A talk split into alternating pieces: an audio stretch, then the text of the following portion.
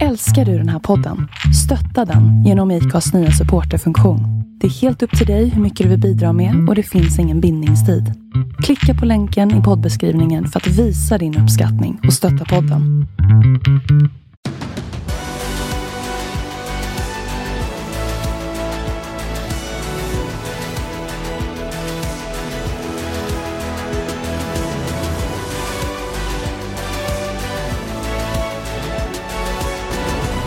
Hej! Det är poddags med eh, Lion och Mårtensson. Personligen känner jag mig ganska pigg, Andreas. Hur känner du dig för stunden? Jag känner mig också pigg, men eh, tråkigt att det är slut. Jag skulle kunna hålla på ett tag till. Jag vet det. Det är tomhetskänsla. Det, det är alltid så när det har varit så här högt tempo och eh, bra race hela året. Spännande år. Ja, och nu är det över. Vad ska du fylla tiden med då? Podda. Nonstop. Ja, idag släpper vi, i, i veckan släpper vi säsongens, årets längsta podd. Är det så du menar? Det kommer det nog inte bli idag, tror jag inte. Nej, jag vet faktiskt inte. Det får väl eh, återgå till det lite mer normala. Tror jag. Ja, jag ser faktiskt fram emot lite lediga helger. Men jag tyckte det var, det var en rolig säsong. Det har varit eh, intensivt och på ett sätt eh, kul att ha de här racen tätt in på varandra. För det har varit nästan som att leva i en racingbubbla ett tag. Ja, det har det varit. Och eh, du vet ju det, det är eh, första advent i helgen. Sen helt plötsligt så står vi där på julafton, sen är det nyårsafton och sen är det januari och då, då går det ganska fort till det väl drar igång igen. Ja, det är inte så lång tid av, av mörker. Men just nu känns det lite mörkt faktiskt. Ja, vi får, vi får försöka överleva. Kontrasten blev stor efter bilderna från Portugal om man säger så. Man fick man kände som att man fick nästan lite D-vitamin av bilderna. Visst var det så? Nästinpå. Ja, jag, var, jag, var, jag, jag var lycklig hela helgen just med bilderna, med inramningen här och otroligt schysst eh, säsongsfinal på det sättet. Du, eh, idag nu då? Plus och minus som vanligt. Känns det som en bra inledning på podden? Ja, vi måste ju stänga, stänga Portugal-helgen. Mm. Och då blir det just att summera Portugal och eh, snacka om det som hände där. Eh, sen är det ju så också, jag skulle vilja ha med lite grann att vi kikar på förare som eh, det är, många, det är många omflyttningar bland förarna. Så att eh, en punkt med vad som händer, vilka som slutar, vilka som byter team och också faktiskt formen på avslutningen på säsongen. Låter bra. Kör vi! Kör på. Vill du dra första plusset? Ja, och det är ganska självklart första plus. Det var så solklart hela helgen egentligen. Det började bra, fortsatte bra och avslutade på topp för Miguel Oliveira. Det är mitt första plus. Ja, den är inte svår. Det var um, vilket race han gjorde. Från FP1 till, um, till slutet. Mm. Vad ligger bakom en sån här lyckad racehelg då för hans del? Ja, um, jag tror att det ligger mycket i barnkännedomen. Um, sen hörde jag några intervjuer efter racet. De trodde, en del förare trodde inte det, en del förare trodde det. Men jag, jag står nog på mig där att jag tror att det har med att göra att det är på hemmaplan. Han har barnkännedom. Uh, och sen precis som man sa där efter racet att, att på något sätt så blir man lugn när man kommer hem. Och det är någonting som, som både du och jag vet om det där, att när man är ute och reser, man är i olika länder, det är en annan sak, en annan anspänning än att köra på Anderstorp för en svensk. För då vet man, då vet man förutsättningarna, allting innan på något vis. Ja, allting är mycket. färdigt. Ja. Det är liksom inget annat störmoment sådär. Så att jag kan tänka mig att det är en annan sak att köra på hemmaplan. Dessutom var det ju så den här helgen, det var ju just inga andra störmoment. Familjen var på plats, sen var det ju inte det här massiva publiktrycket som man kan se på förare som, som annars har sina hemmarace. De har ju inte många lugna stunder en, en helg på, på hemmamark. Tänk Rossi på Misano ett vanligt år. Då, är det, då, då kanske det inte är så skönt att köra på hemmaplan. Nej, Knappt. nej. Men det här blev ju, det här blev, eh, här var det grejer som du säger som eh, gjorde att han växte och fick mer och mer eh, ja, positiv känsla eller plus. Ja, och, och, sa själv då efter, eh, efter racet att ja, men teamet jobbade bra när vi var på hemmaplan och det var trippelkoll på allting och eh, ja, han var ju helt överlägsen på racet. Det- Det är inte många gånger vi har sett den här överlägsenheten, att en förare drar iväg på detta sättet. Det var ju dessutom pole position, det var racets snabbaste varv och seger och så hemmaplan. Kan Ja, inte det- bli bättre. Nej, det kan inte Nej, bli det, bättre. Det kan inte det. Det är en, tit- han det är en titel nästa gång för honom då. Ja, det är ju det. Vi, vi sa ju det även under sändningen att tre stora grejer kan man göra. Det första är att vinna sitt första race, det andra är att vinna sitt hemmarace och det tredje är att vinna ett mästerskap. Och eh, det har han inte lyckats med. Men ja, om det kommer eller inte, det vågar jag inte säga. Men, men eh, det är väl det som återstår nu då för Oliveira. Du var inne på att han misslyckades med någonting, var det Ja, så? ja, men efter första dagen så var han ju utanför topp 10. Eh, nu kändes han ganska lugn ändå för att han visste att värdet skulle vara bra på FP3 och han kunde förbättra. Men han var, jag vill ha för mig att han var 11 efter de två första friträningarna. Det var väl det enda då, smolk i bägen. Någonting måste de ju ha... Var det inte att han hängde kvar och körde på eh, däck som hade gått lite längre där? Att han kanske inte gjorde de här sista attackerna? Jag, jag minns faktiskt inte hur det var på fredagen där för hans del.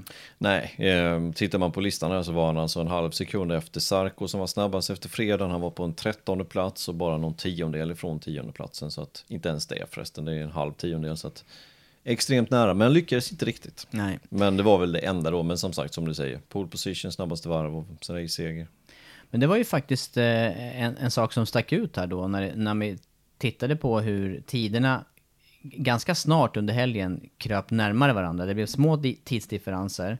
Trots det här med att det är en ny bana och man kanske kunde tänka sig att det skulle varit mer utspritt. Men sen när det väl kom till race då, då blev det ju just en ganska stor skillnad mellan Oliveira och de övriga.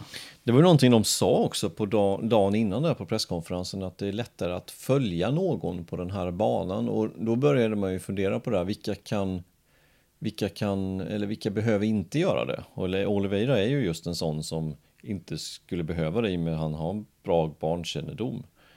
Ehm, ja, men lite, lite oväntat då att det blev så utdraget. Ja, jag, ty- jag tycker också det. Just där i täten åtminstone. Ja. Men hur, eh, förklara det då för en som inte har kört så mycket på bana, eller kanske inte alls på bana. Hur kan det här med bankännedomen, för det är ändå, det handlar om 4,5 kilometer asfalt där och hur stor skillnad kan det vara? Frågar man ju sig. Ja, men det beror helt på vilken bana det är. Eh, Valencia till exempel är det mycket lättare att sätta varje varv prick i de spåren som, som ska sättas. Även fast det är ingen superlätt bana så är det inte den svårigheten i den.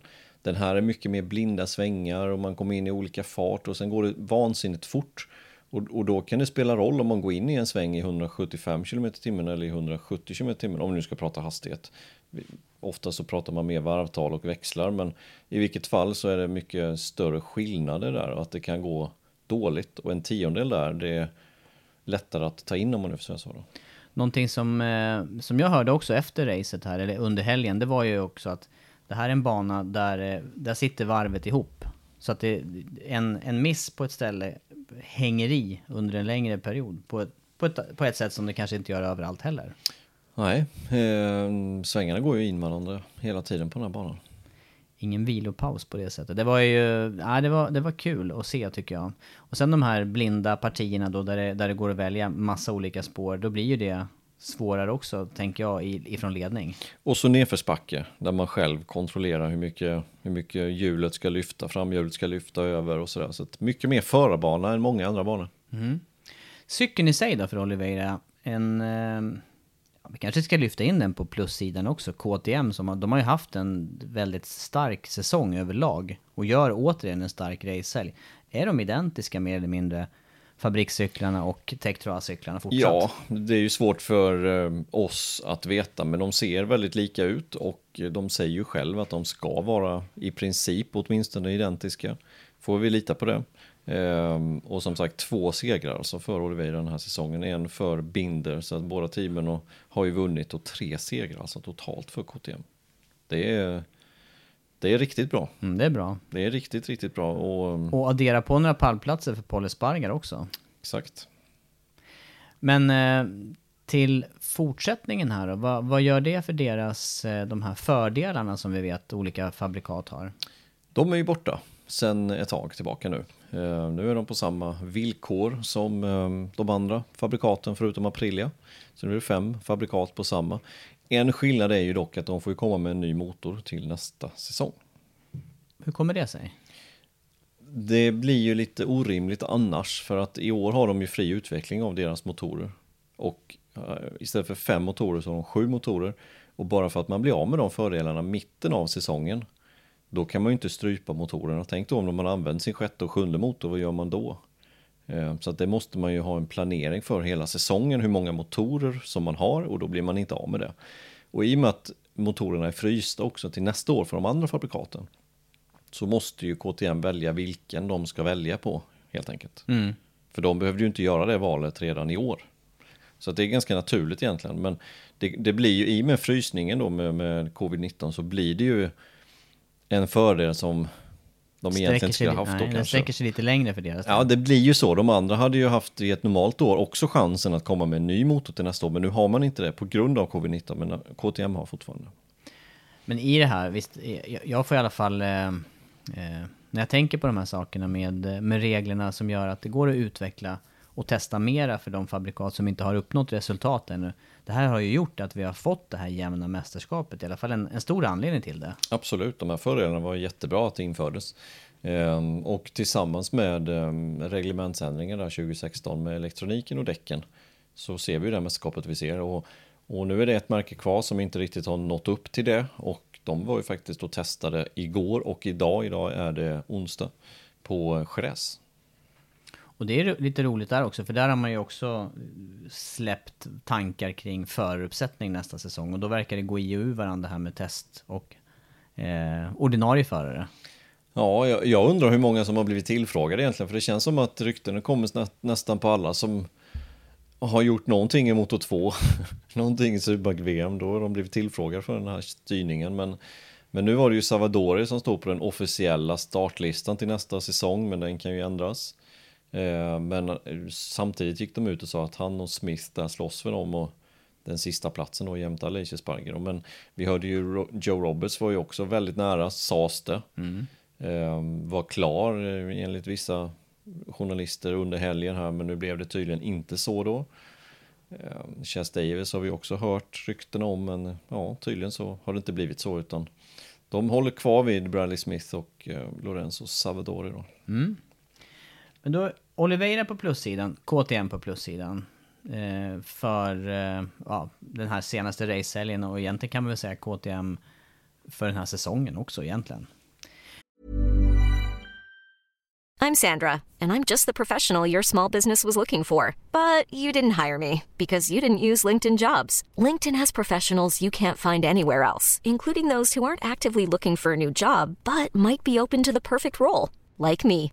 In a given month, over 70% of LinkedIn users don't visit other leading job sites. So if you're not looking on LinkedIn, you'll miss out on great candidates like Sandra. Start hiring professionals like a professional. Post your free job on linkedin.com/achieve today. Hey, it's Danny Pellegrino from Everything Iconic. Ready to upgrade your style game without blowing your budget? Check out Quince. They've got all the good stuff shirts and polos, activewear, and fine leather goods, all at 50 to 80% less than other high end brands. And the best part? They're all about safe, ethical, and responsible manufacturing. Get that luxury vibe without the luxury price tag. Hit up quince.com slash upgrade for free shipping and 365 day returns on your next order. That's quince.com slash upgrade. Eh, har du någonting på minussidan där Andreas du vill lyfta? Ja, det, finns alltid lite på minussidan. Ehm, Vi tar väl den mest självklara tänkte jag vi tar sen, men jag tänkte faktiskt dra en annan här nu och då säga Alex Rins. Rins och eh, Suzuki här då som eh, inför helgen hade chans att säkra konstruktörsmästerskapet. Rins hade chans att säkra sin andra plats i mästerskapet också. Kom från en stark period. Men Kommer hur- från en stark period och eh, Valencia ett helgen, då blir de alltså etta, tvåa Suzuki. Andra helgen så eh, kommer jag inte ihåg vad Rins blev, han blev fyra kanske eller något liknande och Mir tog ju allt fokus där i och med att han säkrade titeln.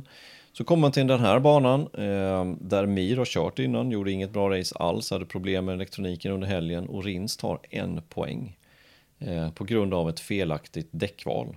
Han valde ju det, nu ska jag se så jag säger rätt, jag tror han valde det asymmetriska bakdäcket.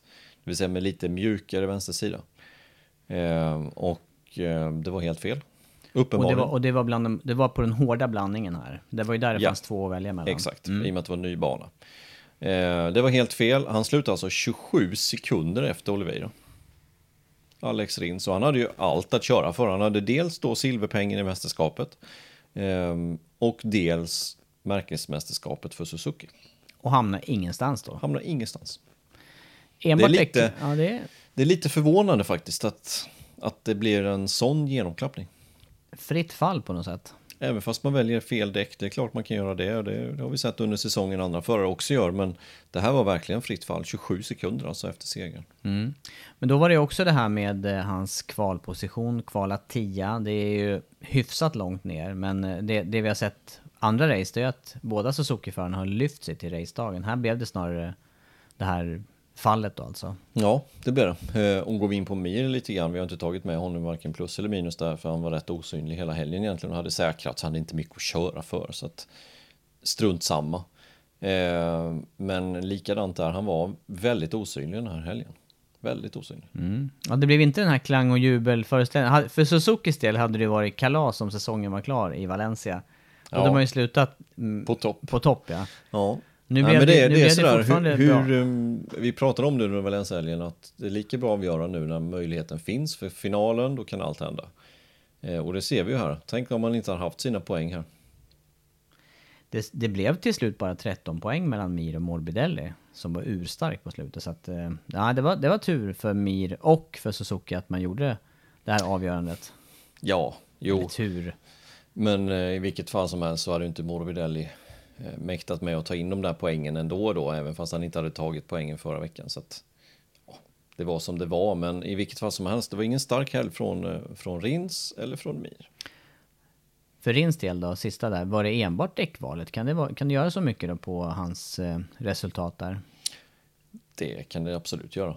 Däcken är ju det viktigaste enskilda viktiga prylen du har på hojen så det är klart att det kan göra skillnad. Men då, då, det är inte bra att göra ett sånt misstag, att man tappar 27 sekunder på det. Det är lång tid i den här sporten, det har vi ju sett Det är, tidigare. det är en bit. Det är en bit.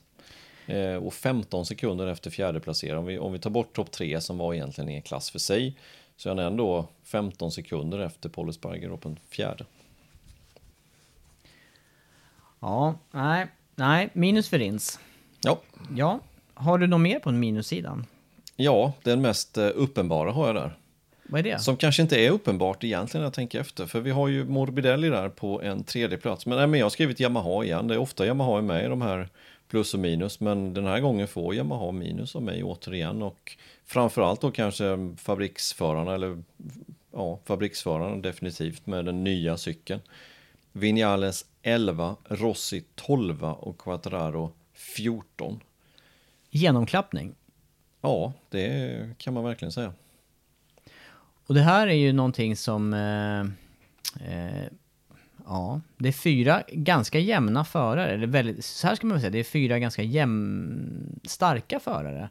Sen om de är starka på, på samma saker, men, men just, eh, just att få till en full racehelg, det kan ju alla få och vinna race. Du har ju inte Rossi vunnit i år, men jag är lite förvånad över den här eh, som sagt var genomklappningen på tre av fyra den här helgen. Ja, men det, det är ju precis därför jag har tagit med märket. För att jag återigen så tror jag att det är märket som har problem och inte de här förarna. Eh, förarna kan nog ha sina problem på grund av att det inte fungerar. För det fungerar inte för någon av dem. Förutom Morbidelli som sitter på en annorlunda spes. Och då får vi väl helt enkelt tro att anledningen till att det inte går taskigt för honom är just en annan spes på hojen. För så mycket bättre än Vinales och Quattararo är han inte. Han är bra Morbidelli, han är riktigt, riktigt vass. Men de två senaste racehelgerna så är det någonting annat som gör den här skillnaden. Det här med utvecklingsarbete då under säsongerna då? För att eh, Yamaha var ju urstarka inledningsvis på året. Nu var det på Jerez i och för sig. Eh, bra grepp var det den helgen. Det var ju... Ja, de har, kämp- de har haft större problem på banor med lägre grepp. Kolla Bruno till exempel, där var inte de andra Yamaha-förarna någonstans heller. Förutom Morbidelli på pallen. de har lite att fundera på Yamaha för att få ordning på det här varför det inte fungerar, varför det fungerar. De tror ju själv att de kommer att få ordning på det för de ser det mer som en chassisak, en motorsak och där håller jag nog med på grund av att de har fått sänka varvtalet på sina motorer på grund av det här ventiltjofräset som vi har pratat om. Och det kommer de ju inte ha som hinder nästa år. Utan då kommer de ju kunna vrida upp sina motorer igen. Ehm, de har ju däremot visat här nu med, med framförallt Morbidelli att motorerna klarar ju mycket. Riktigt mycket. Tror du att de sträcker ut på livslängden på dem då och har lite mer marginal? Alltså mer marginal med antal motorer, att de inte snurrar lika många? Nej, det tror jag inte. För att en motor som har gått 150 mil mindre har ju mer effekt. Men det gör ju att de får mer, de har ju mer marginal. Behöver de köra 200 mil nästa år på en motor, då är det ju inga problem. Nej. Men, så, så när de, eh, men, när de får, då får de tillbaka full effekt. Sen behöver de göra någonting med chassit. Och det är ju fritt att utveckla här. Det är... Och det är fritt ja. Så därför så tycker jag inte att de ligger så risigt till inför nästa säsong. De borde kunna komma fram till en lösning. Mm. Faktiskt. Ja. Och det funkar ju på vissa banor, men inte på andra. Och det är det som är, det är det de behöver analysera, varför inte det fungerar. Och så behöver de jobba på det. Var det ligger eh, ansvaret på det då, hos de eh, som är kontrakterade och kör i mästerskapet? Eller ligger det på testteamet att göra de här sakerna? Ja, det är, det är svårt. Alltså, det är ju inte upp till förarna att göra ett nytt chassi. Utan förarna kan ju bara säga vad de känner och sen så är det ju upp till ingenjörerna att komma med en lösning. Och det är väl där som förarna tycker att det går lite för långsamt.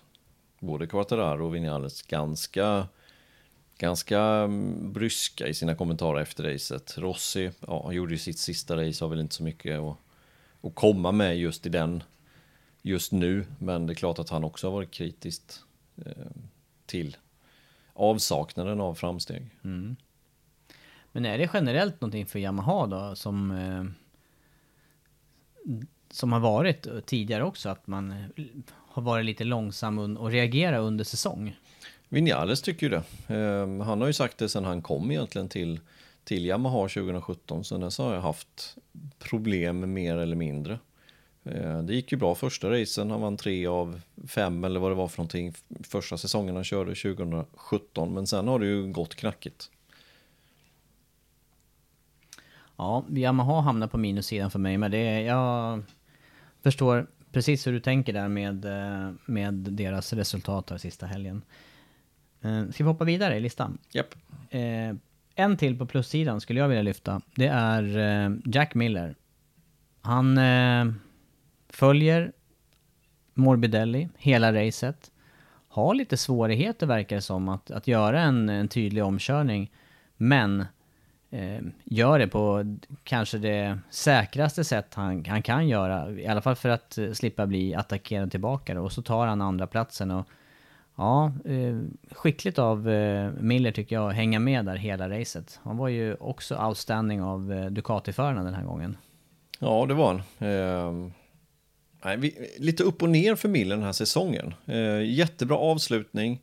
Eh, två andra platser blev det. Eh, Morbidelli slog ju honom i Valencia 2 och sen så fick han göra tillbaka då först det var eh, Oliveira som vann och eh, Miller, han slutar alltså sjua i mästerskapet till slut. Jag tycker att han, har, han började säsongen lite svajigt. Eh, visst en fjärde plats i premiären, men sen var det lite svajigt. Sen kom han tillbaka, sen var det svajigt igen och nu har han kommit tillbaka väldigt, väldigt starkt. Eh, han och Banjaya där har avlöst varandra lite inom Pramac-teamet. De gångerna som Banjaya verkligen varit stark, då har Miller varit lite låg, men nu tycker jag ändå på senare tid att man har sett att han, han kanske är mogen för den här uppgiften i fabriksteamet nu. Banjaya har ju betydligt svajigare resultat totalt sett och eh, hamnar också en bra bit ner i eh, sammandraget om man jämför med Miller. Missade också några race, vi kommer ihåg då, på grund av skadan där eh, i Tjeckien eh, var det ju. Men eh, precis, det har mm. varit fram och tillbaka de två förarna och man kände där att när, när Banjaya i två, tre race där var betydligt starkare än Miller. Då, då, kände jag att är Miller verkligen på den nivån där han ska vara för att kunna ta nästa kliv i fabriksteamet. Men jag tycker nu på senare, senaste fyra, fem, sex racehelgerna så har det ändå varit, ja då har han tagit det där klivet mm. faktiskt. Men eh, just eh, att jag också vill ha honom på plussidan, det är ju, eh, eh, ja men på något vis, det känns som att huvud och eh, och det han utför på banan, det, eller, det, det blir en helhet på ett annat sätt än vi har sett förut. För att han har varit extremt snabb. Nu kan han både kvala bra, han kan ha hela race och dessutom fightas med, med andra förare. Några sådana exempel eh, från den här säsongen och det här var ju ett sånt race igen. Och hålla liv i däcken. Det är ju någonting som han har haft problem med. Eh, Gått ja. ut för hårt helt enkelt. Ja, exakt. Nej, men det är kul att Miller är med och han behöver ju givetvis ta något kliv till för att kunna vara med och slåss om mästerskapet. Men eh, ändå en stark avslutning. Mm. Plus, absolut. Plus, ja. En förare till på minussidan innan vi hoppar vidare. Alex Marquez. Som eh, glimrade till i eh, Frankrike på Le Mans. Han glimrade till ordentligt på Aragon också. Eh, och sen eh, avslutningen här ganska blek med tanke på framsteg han gjorde där en, en kort period. Ja, lite svajigt och tillbaka faktiskt där för Marcus. Jag, jag trodde att han skulle kunna bygga vidare på den farten också faktiskt. Men eh, han blir alltså tredje Honda här nu det här racet. Han blir slagen av Bradel. Eh, och så Nakagami då som, som eh, blir bästa Honda-förare den här säsongen faktiskt. Eh, 10 till slut i mästerskapet för Nakagami. Crutchlow han rasar ju också här under racet. Visst startar han fyra? Crutchlow startar fyra, stämmer. Ja, och och så snabbast på uppvärmningen var han dessutom. Ja, och slutar 13 i sitt eh, sista MotoGP-race då, eller sista som ordinarie i MotoGP. Inte heller bra. Nej. Men just det här med Alex Marquez då, då det, det blir ju i och för sig teambyte för hans del, men eh, den här eh, säsongsavslutningen och, och Portugalhelgen, kan man se något tydligt vad det beror på? För jag tycker inte heller att han ska bli slagen av eh, Stefan Bradel en sån här helg, till Nej, men å andra sidan kanske det är Bradel som gjorde det väldigt, väldigt bra, för han var alltså 15 sekunder efter i mål, Nakagami var 13 sekunder efter i mål och Marquez var då 18 sekunder efter. Så att, ja, visst, han är 3 sekunder efter Bradel som är 2 sekunder efter Nakagami, så det är inga stora avstånd vi pratar och det är kanske mer så att Bradel gjorde en riktigt grym helg på grund av att han har varit där och testat och så vidare då. Tror du att det blir bra för Marquez att eh, kliva till LCR nästa år? Ja, jag, jag tror faktiskt det. Ehm, kanske ännu mer nu med Mark Marquez skada. Nu kommer han komma tillbaka nästa år. Det kommer vara, när, när väl Mark Marquez kommer tillbaka så kommer det ju vara fokus på honom så det står härliga till. Alla mm, på något sätt har saknat honom den här säsongen och det kommer vara mycket fokus på Mark Marquez nästa år och då kanske det är bra att han får vara lite i skymundan i ett annat team också. Det gäller ju för Paul Esparger, och nu skiftar jag lite spår här, men som kommer in i Repsol Honda, det gäller för honom att göra en bra inledning så att han, som du säger, att han eh, eh, inte faller helt i skuggan av Mark Marquez när det väl blir dags för comeback. Ja. Just med uppmärksamhet eller, ja men det här överhuvudtaget stödet, för det tycker jag vi har sett under året här, det har sipprat ut. Det känns som att resurserna som har varit runt Mark Marquez, de har sipprat ut och spridit sig till Nakagami eller till delvis Crutchlow och, och även Alex Marquez här under året. Ja, det ska bli, om vi nu växlar spår till Polisparger så ska det bli väldigt intressant att se hur det kommer utveckla sig. För nu har han varit i ett team som är, mycket, som är väldigt familjärt på ett sätt. Han har känt sig behövd, han har känt sig som en tillgång. Nu kommer han till Repsol Honda där det kanske är lite mer kyligare. Eh, han har en teamkamrat som får all fokus. Eh, och då gäller det på något sätt att kunna prestera också. Det- det- ja, det- viktig period. Faktiskt, det krävs lite av Paul Esparger och psyke här nu. Det gör det. Ja. Absolut, för att kunna liksom prestera. Ska vi släppa plus och minussidan där nu? Absolut. Ja. Eh, One size fits all seems like a good idea for clothes until you try them on. Same goes for healthcare. That's why United Healthcare offers flexible, budget friendly coverage for medical, vision, dental, and more. Learn more at uh1.com. Hey, I'm Ryan Reynolds. Recently, I asked Mint Mobile's legal team if big wireless companies are allowed to raise prices due to inflation. They said yes. And then when I asked if raising prices technically violates those onerous two year contracts, they said, What the f are you talking about, you insane Hollywood ass? F- So to recap, we're cutting the price of Mint Unlimited from $30 a month to just $15 a month. Give it a try at mintmobile.com slash switch. $45 upfront for three months plus taxes and fees. Promo rate for new customers for limited time. Unlimited more than 40 gigabytes per month. Slows. Full terms at mintmobile.com. Ever catch yourself eating the same flavorless dinner three days in a row? Dreaming of something better? Well, HelloFresh is your guilt-free dream come true, baby. It's me, Kiki Palmer. Let's wake up those taste buds with hot, juicy pecan-crusted chicken or garlic butter shrimp scampi. Mm. Hello Fresh. Stop dreaming of all the delicious possibilities and dig in at HelloFresh.com. Let's get this dinner party started.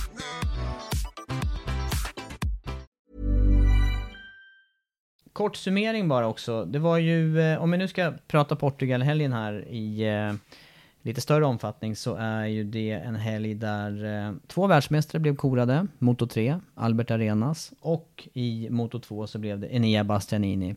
Det kommer vi att komma tillbaka till under eh, kommande poddar. Men Mir färdig världsmästare. Och eh, om vi börjar med eh, Portugal och avslutningshelgen här.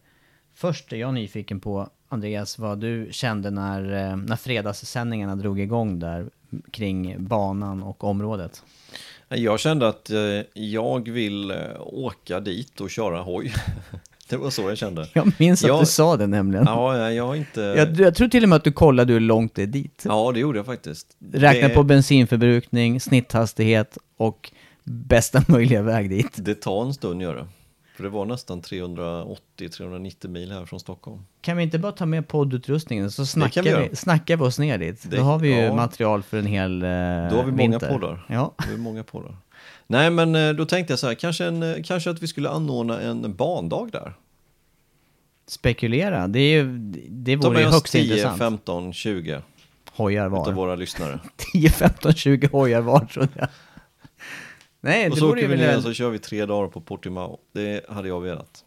Ja, det såg ut att vara en bana som man inte kunde tröttna på. Jag, jag, trött, jag kunde inte tröttna på bilderna i alla fall. Nej, tre dagar borde man kunna köra utan att tröttna. Jag är rätt lätt på att tröttna på banan annars, men, men tre dagar borde jag kunna stå ut på samma bana. Fysiskt lär det bli problem däremot. Mm.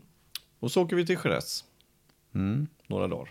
Jag fick i alla fall en sån här också, jag fick ett otroligt hojsug när, när, när sändningarna drog igång, när körningen började på banan. Och precis det var ju, det var ju också reaktionerna från förarna där efter första dagen. Men lite, oavsett hur, hur bra de hade varit på banan så nog lät det som att de flesta Ja. tyckte det var skoj att köra hoj. men det är ju det, det är svårt att förklara olika banor, hur roligt det är. Men, men att köra på en bana som man har kört på 3000 varv senaste två veckorna, det, det är inte speciellt kul. Man blir trött på det helt enkelt. Eh, och komma då till en bana som går mycket upp och ner, lite annorlunda, fina vyer, det är bra väder framförallt. allt. Det får en att tycka det är kul igen. På ett annat sätt. Mycket att tänka på när det gäller själva körningen där, som du sa tidigare, att eh, förarna påverkar rätt mycket bara det de gör själva på cykeln. Att det inte är allt som går att styra elektroniskt eller med inställningar innan. Nej, exakt. Mycket upp till föraren. Vädermässigt också en fullträff, det måste vi ju säga. Ja, Det var en vind i och för sig som kanske påverkade en del, men eh, klarblå himmel, lagom temperaturer och jag hörde inte heller så mycket klagomål kring eh, greppnivå i asfalten och sånt Nej, där. men det var ju väldigt få krascher, vilket betyder att det är ganska förutsägbart fäste. Ehm, och det tycker jag vi såg också. Det var, det var inga konstiga krascher på något sätt egentligen, de som skedde, utan det var normalt, normalt fäste.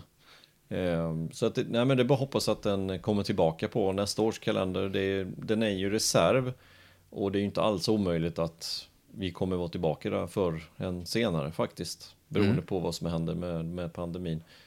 Tittar vi på nästa års kalender så börjar det i Qatar och, och den är väl ändå rätt trolig att den skulle kunna gå att genomföra där i slutet av mars.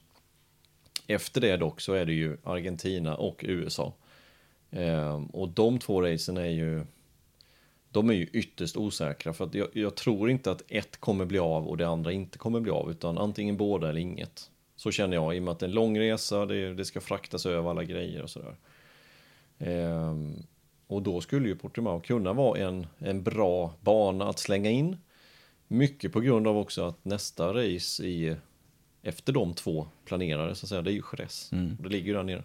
Ja, det gör det ju logistiskt eh, lättare Ja. och mycket, mycket förenkling när det gäller bara transporter som du säger. Ja, så det, det är inte omöjligt att det blir Qatar och sen blir det litet uppehåll och sen så, så blir det Portimao Jerez. Det, det, det, om det nu skulle mm, skita sig med eh, Sydamerika och USA.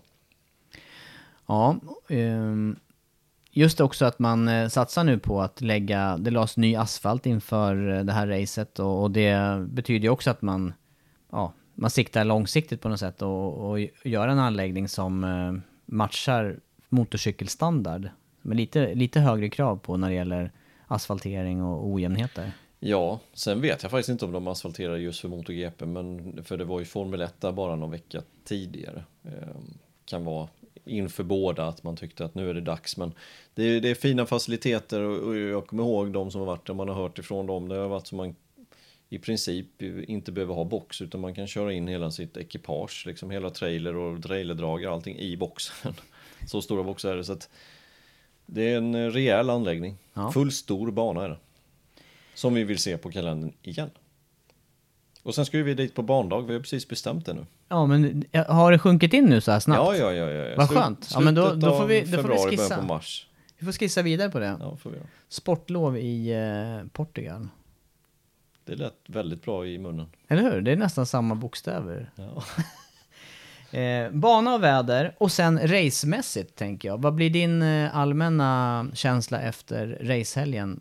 Hur eh, loppen utvecklades? Här kan du få vara lite generell tänker jag med. Det måste inte bara vara MotoGP. Nej, och jag känner väl att det är inte upp till banan riktigt.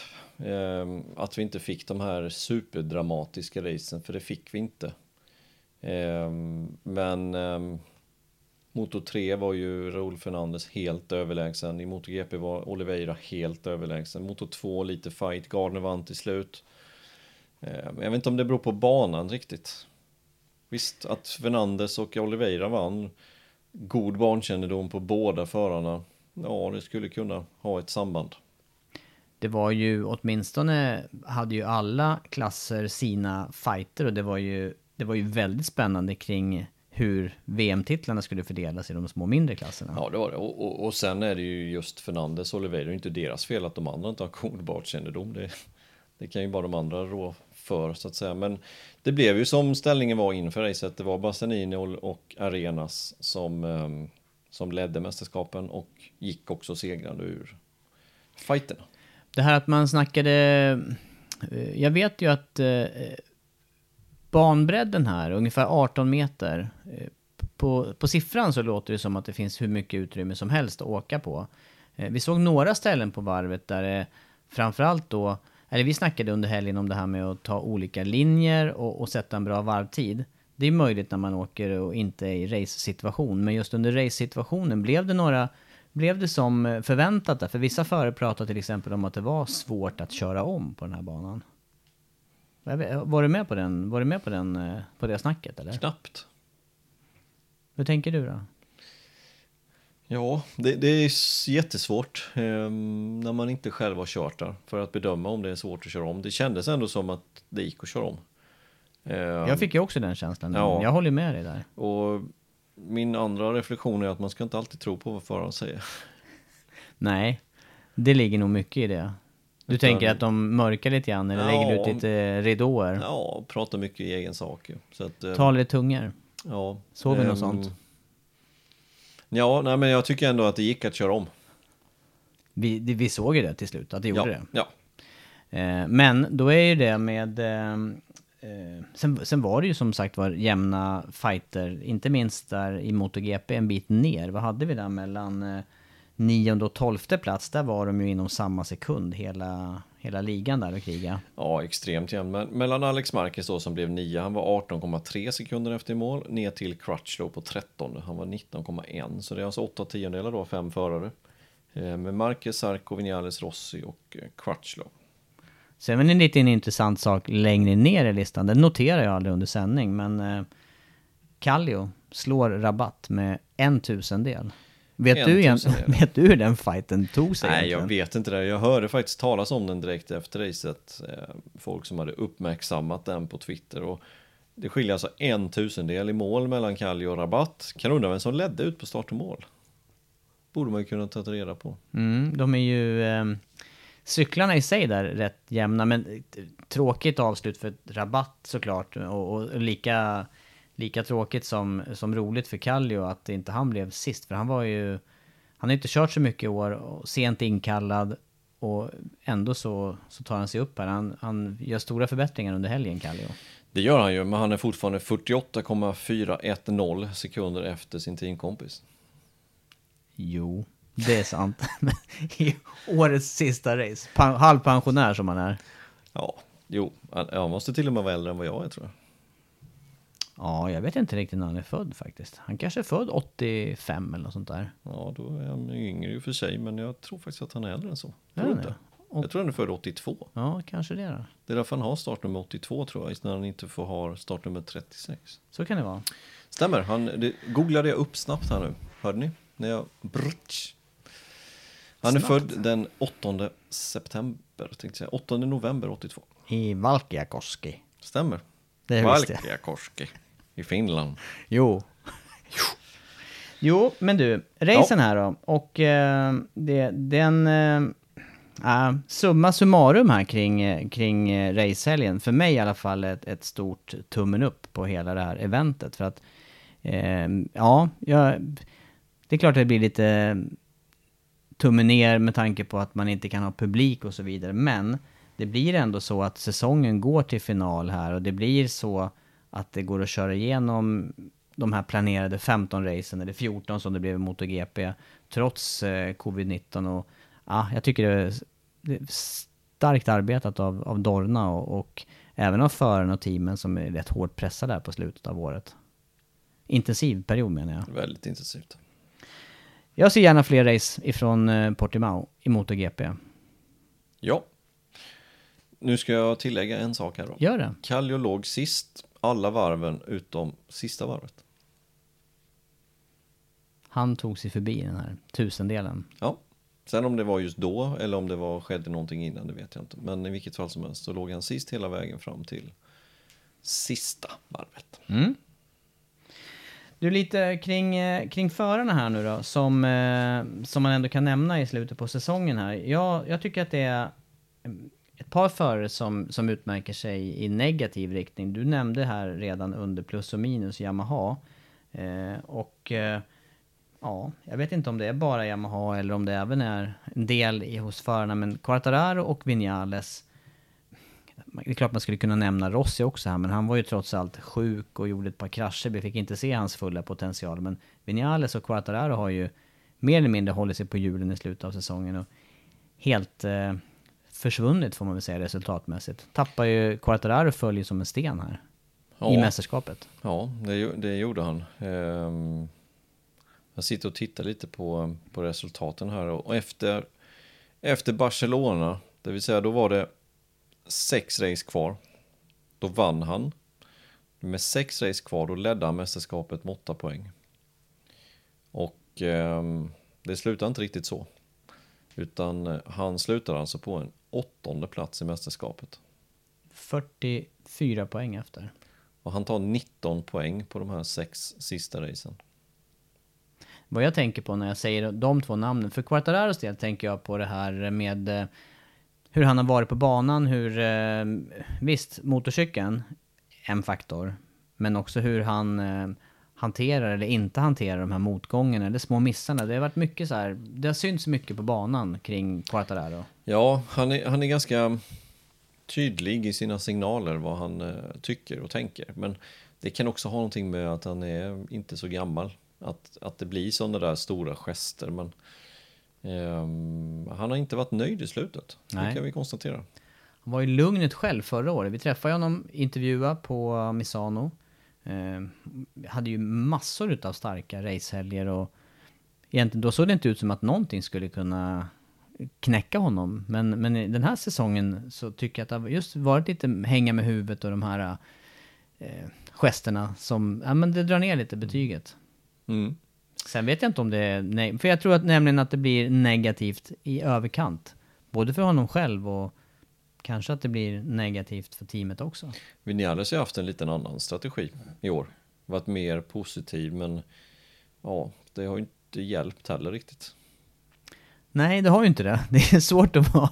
Jag, jag har faktiskt... Det har jag fascinerats av åt andra hållet. För han har ju nästan låtit positiv oavsett. Ja, Men eh, det är ungefär som det där liksom att ja, men bara man tilltalas, eller bara att man... Eh, intalar sig någonting särskilt mycket, då, då slår det in. Det är inte riktigt så här, för här, här Nej, kommer man ju till det inte. slut. Så är det inte. Här kommer man ju till slut, men det hjälper ju till en bit på vägen i alla fall. Och det är ju också så att Vinales, eh, han, han håller ju sig någorlunda flytande här, även om han blir eh, sexa i mästerskapet. Men Quartararo tappar ju ända ner till åttonde då. Ja, till slut blir det ju så att um, Vinales blir bästa Yamaha tänkte jag säga, men det blir han ju inte för Morbidelli blir ju tvåa, men, men ehm, bästa fabriks Yamaha blir han åtminstone utav de som körde 2020-modellen, den senaste fabriksmodellen. Ja, de har att jobba på där, helt Det har, de, enkelt. det har de. Men några förare som har gått starkt på slutet. Vi nämnde ju faktiskt eh, Rins och Mir den här helgen på minussidan. Men, men tittar man, backar man några race till så har ju båda de förarna kommit som tåget här i slutet på säsongen. Ja, det, det har de verkligen gjort. Tittar man inför detta racet, eh, för Rins till exempel, då har han alltså placeringar 1, 2, 2, 4. Eh, det är bra. Det är riktigt, riktigt bra. Eh, och även Mir hade ju en jättebra säsong fram till och med nu i helgen då och med undantag för Le Mans-helgen. Eh, när han eh, inte trivdes i regnet och blev 11. Men de två har varit väldigt starka och behöver få till deras kvalande. Eh, Behöver få till chassit så att det fungerar under kval. Och det kanske också är en ingenjörsfråga där. Absolut. Ja. Eh, från KTM då, eh, för det var ju någonting vi lyfte på plussidan här. Där är det ju Paul Espargaro, eh, men även Miguel Oliveira, om en snäppet eh, sämre resultat än Paul Espargaro om man tittar på, på snittet här. De har ju varit också superstarka i slutet på säsongen. Det har de varit. Eh, Paul har slutat 10 poäng före Oliveira. Eh, inte speciellt många poäng, men då har Oliveira två segrar å andra sidan. Så lite mer upp och ner för Oliveira då än för Paul Esparger. Se om de håller den eh, formen och fortsättningen. Oliveira som fortsätter inom samma fabrikat. Men vi tar det alldeles strax. Jack Miller också en förare som eh, stark säsongsavslutning där. Och det var vi inne på också. Det var vi inne på ja. Två andra platser avslutade han säsongen med. Alltså en sjätte plats då i första Valencia. Men eh, också, precis som vi sa in, inledningsvis, kommit starkt. Du, det var också sista racehelgen för tre, två stora namn och ett namn som, eh, som haft det lite tyngre i MotoGP men dock med en VM-titel. Det är både sista racet för Dovi, det är för Crutchlow men även för Rabatt. Vad blir deras eftermäle eller deras kvitto eller avtryck i mästerskapet? Ja, det är svårt. Det är svårt. Ja, men Crutchlow är ju, han har tagit tre segrar i karriären. Ehm, alltid, alltid gett allt vad han har om man får säga så. Sen har det blivit lite för mycket misstag från hans sida. Ehm, men en rolig figur i depån. Eh, och jag tror- Intervjuerna kommer man att sakna. Ja, det kommer man att göra. Och, och ehm, det tror jag har med hans modersmål att göra. Att de kan uttrycka sig på ett annat sätt än vad spanjorer och italienare kan göra. Japaner. Och kanske lite mera rätt fram i, i sättet ja, det också. Han, det, han säger vad han tycker. Det är ju bara att titta på senaste konversationen han har haft med Lorenzo till exempel. Det har varit fram och tillbaka där ju. Vem leder den konversationen? Nej, jag vet inte. Jag ger mig inte in i det där vad jag tycker. Men jag tycker det är... Åh, jag vet inte. Nej, Crutchlow Vad håller kom- de på med? Ja, Crutchlow är inte helt avpoliterad. Han ska i alla fall fortsätta testa. Så att han Ja, kommer åka jag. MotoGP. Då kanske vi ser honom i någon wildcard. Det tror jag. Det tror jag faktiskt att han kommer göra. Eh, och det är ju därifrån det kommer att inte Lorenzo fick fortsätta. Lorenzo tycker inte att han har fått förtroende från Yamaha. Yamaha tycker att han har presterat för dåligt de gånger han har kört och nu tar man in en förare som är uppe i race speed. Och jag kan inte klandra dem på något sätt. Men sen förstår jag Lorenzos argumentation att han har ju faktiskt varit med och och utvecklat Yamahan så att den blev en vinnarcykel. Efter han har lämnat så har den blivit sämre. Hos Ducati, precis likadant. Tagit upp den, utvecklat cykeln ordentligt. Och sen har den blivit sämre sen han lämnade. Så att han har ju en poäng i det, han säger också. Men det betyder ju inte att nästa år att han kommer göra det bra. Nej. Nej, nej. Ingen är bättre än sin senaste helg på något vis. Nej. I den här sporten. Då är inte Lorenzo högt Nej, uppe. precis. Då har han fallit. Då har han fallit. Ehm, så nej men eh, intressant att se Crutchlow. Man kan... ehm, jag skulle säga att det är intressant att se Crutchlow på Yamaha nu. För då, då får man ett kvitto för var, var cykeln ligger någonstans. på ett annat sätt. Mm. För det ser vi ju. Det, det blir ju ganska lätt kopplat till en racehelg här. Han kvalar fyra. Han var snabbast på uppvärmningen. Det är en förare, som du säger också, som, som ger allt. Eh, Så att eh, jag är också spänd på att se vad han gör som testförare. Och sen tror jag dessutom att i, i det här läget, det har känts som att Crutchlow har varit på väg ut ur ett par säsonger. Och det här kanske passar honom det här upplägget. Han får lite mer luft i, i eh, livet och så är han laddad när han ska köra. Ja, hoppas att han kör några wildcard då. Ja, jag gör det faktiskt. Ja, vi får hoppas. hoppas. Då är vi lite mer osäkert. Då är vi lite mer osäkert. Jag hörde faktiskt redan under helgen här, eller precis ja, under helgen, eh, det som vi har pratat om flera gånger, att han är väldigt nära att skriva på för KTM och i så fall peta ut Lekona. Eh, och att det har varit ja, på vippen och blivit så, men inte blivit det av eh, löneanspråk bland annat. Eh, men jag, jag tror inte sista ordet är sagt där. Heller. Trist för Lekona med den här eh, covid-19 nu då. Ja, och jag tror en av anledningarna till att förarna i Akaios Moto 2-team blev klara så pass sent som de har blivit då. Eh, Remy Gardner ska ju dit, det blev ju klart, men, men att Raúl Fernandez kommer ta klivet upp, att det blir klart först nu, det tror jag har någonting att göra med detta. Men å andra sidan verkar ju dörren stängd just nu då i så fall, för att då hade det ju varit naturligt att ta Lecona och sätta honom i Moto 2 hos KTMs team, alltså hos Akiaio. Eh, Men nu har de redan två förare, så att jag vet inte, det kanske, det kanske är lägre sannolikhet nu då, men vi får väl se. Mm. Samtidigt är han fri och då finns ju kanske andra möjligheter också. Ja, vad Eller händer med Mark Marquez? Nu, nu verkar det ändå som det senaste att han är på väg tillbaka, men sen så hade den spanska tidningen, vad heter de, El País, hade någon artikel här nu i dagarna om att det kan ändå krävas en tredje operation och att det beslutet ska komma under den här veckan, kanske till helgen redan. Kommer det krävas en tredje operation? Hur lång eh, konvalescens kommer man ha på den? Det snackas om 12 veckor, då är vi inne kanske då i slutet på februari. Vad händer då? Finns det möjlighet då kanske för Dovi att ta den platsen ett tag? Ja, kanske, men de har ju Brader å andra sidan. Vet ej. Nej. Nej, öppet. Jag hoppas... Eh, det, är blandat det där. Dovizioso är ju en av de absolut snabbaste fortfarande när det funkar. Det såg vi ju inte minst med race-segern här. Eh, sen är frågan om vilken motivation och vilken energi han har. För han har ju och samtidigt en väldigt lång karriär bakom sig. Det är, jag är oklar med det faktiskt. Ja, och även fast vi säger så att han, han kan vara helt öppen med vilket fabrikat han väljer. Ja visst, men det lär inte bli Ducati och det lär inte bli Aprilia. Och i det här läget lär det inte bli Yamaha för att de är fullt. Plus att ehm, eh, de har Crutchlow som testförare. Då är det tre fabrikat kvar då. Då är det Honda, det är Suzuki eh, och det är KTM. Honda ser ju, alltså med Mark, Marcus tillbaka, då känns det ju med Bradel som testförare som är klar, känns ju mindre troligt. Ja, då är det KTM och Suzuki kvar. Ehm, Och eh, Suzuki som kanske ska expandera då. och det kanske hade varit bra då. Det kanske är en möjlighet. Just att Suzuki förhoppningsvis ska expandera med ett team till. Men vilket team blir det? Blir det Rossi och hans team? Och då kommer det ju inte finnas plats för Dovi. Blir något annat team? Kanske. Sen är det KTM. Och, och där har vi två testförare som inte vill köra race egentligen. Med, eh, eller en som vill kanske då i Kallio men kommer nog inte få så många chanser och sen Pedrosa. Som inte vill köra race. Nej. Så att eh, naturlig fortfarande väg för Dovi det är KTM. Ja, vi får se då. Inte sista ordet sagt som sagt. Då. Sen är det Rabatt där som också... Han gör sitt sista race då. Torskar just eh, sista racet med en tusendel här till just Kallio. Eh, nu kommer han sannolikt ta vägen till... Eller det pratas väl om, ryktas om World Superbike.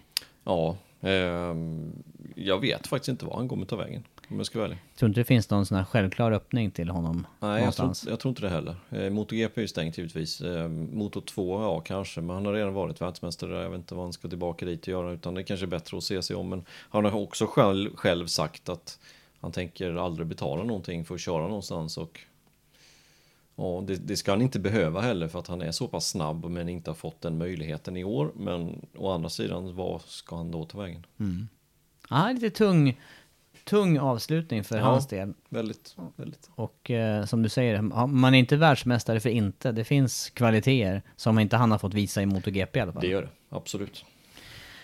Sen har vi då alla teambyten här. Rossi och Quartararo är ju solklart, de byter ju plats. Behöver inte bli jättestora förändringar för deras del. Det beror ju på vad, hur, eh, hur eh, teamsammansättningen är runt omkring dem kanske mera. Ja, jag tror inte det blir. Jag tror inte det blir speciellt stora skillnader mot i år. I eh, Ducati då, där är det ju Sarko, eh, eller Banjaya och Miller tar ju klivet upp till fabriks-Ducati. Det blir intressant att se med en Mm. helt ny besättning där. Det blir det. Eh, Sarko till eh, Pramac. Kan ju lyfta honom ett snäpp till, tänker jag. Ja, nu vet inte jag om, eh, nu tänker jag på Banjaya. Ska Banjaya ta med sig Christian Gabarini upp till fabriksteamet? Det vet jag däremot inte. Ja, jag, jag, man kan nästan tro det, för han har ju varit med Banjaya nu två säsonger. Gabarini alltså som har jobbat med först Casey Stoner och vunnit VM-titeln 2007 och sen även med Lorenzo när han var inne i, i teamet. Så det är en bra crew chief. Mm. Och jag tror att han kommer vara kvar med Banjaya för han jobbar ju, även fast han var i, i Pramac-teamet i år så jobbar han ju även för Ducati. Eh, sen ska Petrucci byta fabrikat. Det blir kul att se. Jag tror att eh, han kan få en nytändning här, Petrucci. Petrucci är inte dålig.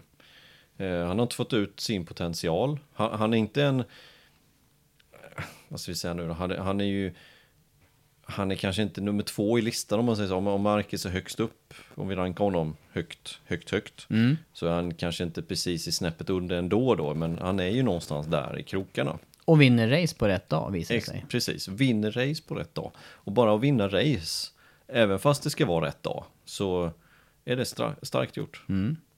Så det ska bli kul att se honom där. Jag tror inte att det kan bli så tokigt faktiskt på KTM där. Och jag, och det jag tror känns- att Binder och Oliveira kommer få, kommer få lite problem med Petrucci. Mm. Där har det också känts som att de har valt varann på något vis. Alltså KTM nöjda med den signingen och Petrucci samma lika. Att han, eh, han väljer ju det eh, före, före många alternativ. För att han gjorde Ja. det också ganska tidigt på säsongen. Det gjorde han. Ehm, ja, i Poncharals team, Tektra, med KTM-stöd. Tror det kan bli bra. Mm. Familjär stämning i hela, hela teamet. Kan passa honom. Sen är det då eh, Oliveira då som eh, kliver ifrån den styrningen och upp till fabriks KTM. Skillnad för honom, eller vad säger du? Ehm, Kommer det bli någon skillnad? Nej, inte så mycket va? Jag tror inte det.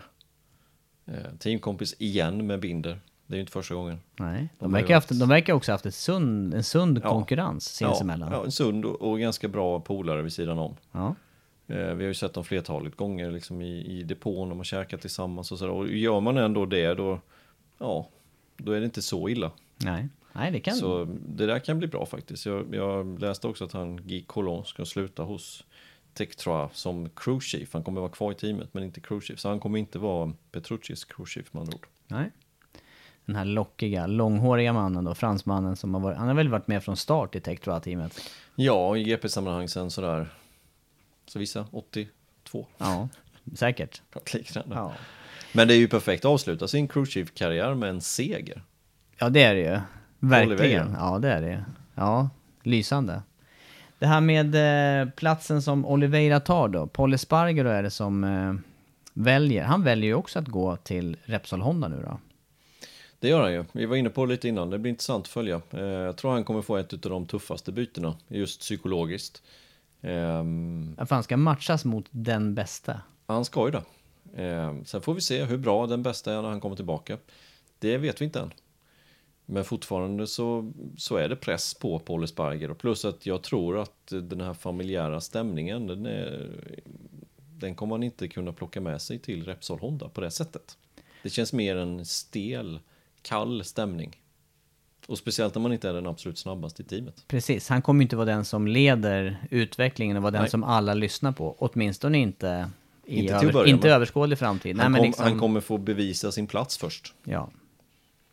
Ja, det blir ett intressant teambyte. Och därmed så är sista föraren också Alex Marquez eh, bortpetad från Repsol Honda. Ner, eller åt sidan till LCR. Kanske en positiv eh, pet, petning eller putt i Ja, den riktningen. Ja, som vi var inne på innan. Jag tror också att det kan vara, kan vara bra. Eh, för han står på tillväxt där. Slippa mäta sig med sin bror i, det, i fabriksteamet. Det tror jag är bra. För det är ingen lätt match. Nu har han sluppit det lite i år. På grund av att inte Mark har kört. Ehm, så att ändå en bra säsong av Alex Marquez. Och dessutom då två pallplatser. Ja, det finns mycket att snacka om när det gäller de här äh, förändringarna till nästa säsong. Men äh, det här var i alla fall kring säsongsavslutningen. Vi- Nästa podd, där måste vi titta mer tillbaka på säsongen i, i sin helhet, tänker jag. Ja, men det måste vi göra. Ehm, jag tänkte att Sounder skulle få vara med. Det var ju faktiskt en av oss som för en gångs skull lyckades eh, pricka rätt i våran tippning. Det har ju inte hänt på hela säsongen. Du och jag har tippat varenda race och vi har aldrig tippat rätt. Sander kom in ett avsnitt och prickade ettan och trean. Men inte det han i ett nötskal? Jo, där? det är det faktiskt. Det är det. Han sa till mig igår när jag pratade med honom, hur kunde du inte tippa Oliveira? Jag bara, eh, jag trodde väl att de andra kanske skulle komma upp i fart mer, men eh, nej, Sander hade rätt. Han får komma och, eh, och försvara det, eller briljera. Försvara sin plats här i podden också. Ja, han får göra det. Mm, göra det. jag tycker det. Vi får ta det, något avsnitt. Ehm, sen vill vi ha lite ehm, tips från er lyssnare. Vi vill ha frågor. Vi tänkte köra ett avsnitt med bara frågor. Ehm, så har ni några funderingar, kan vara om precis vad som helst som ni vill att vi ska ta upp i podden, skicka den. Skicka den då på Instagram, MotoGP-podden. Ehm, Jag har för många sociala medier, så att om det blir för spretigt så, så missar jag alla frågor överallt. Så att MotoGP-podden på Instagram, skicka dem som DM där. Ni hörde väl där också, via för många sociala medier så skickas det överallt, då missar jag dem, sa Andreas här. Så det- är ju ganska mycket med sanningen överensstämmande. Jag får ju ta det, du är ju duktig på att dela med dig i alla fall. Men jag, jag, jag, ska, jag ska se när det där, när den där, när den där, vad heter det, ljuset går upp för mig att börja använda lite mera. Ja, nej men vi tänkte göra ett, som sagt ett avsnitt med bara frågor. Skicka in fråga om ni har något. Um och sen måste vi tacka alla våra Patreons. Ni får gärna bli Patreon om ni vill. Patreon.com snedstreck MotoGP-podden. Och alla som stöttar denna podden. Mm. Stort tack. Tack. Rundar vi den här, sen, eh, den här eh, inte sändningen. Sändningen. Vi rundar den här podden nu. Ja, Och eh, tillbaka igen om någon vecka.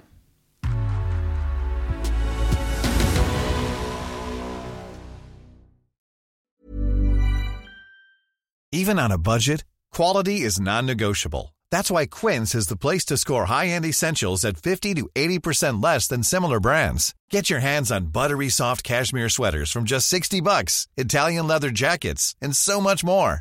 And the best part about Quince, they exclusively partner with factories committed to safe, ethical, and responsible manufacturing. Elevate your style without the elevated price tag with Quince. Go to quince.com slash upgrade for free shipping and 365-day returns. Hi, I'm Daniel, founder of Pretty Litter. Did you know cats tend to hide symptoms of sickness and pain? I learned this the hard way after losing my cat, Gingy. So I created Pretty Litter, a health monitoring litter that helps detect early signs of illness by changing colors, saving you money and potentially your cat's life. Pretty Litter is veterinarian developed, and it's the easiest way to keep tabs on your fur baby's health right at home. Go to prettylitter.com and use code ACAST for 20% off your first order and a free cat toy. Terms and conditions apply. See site for details.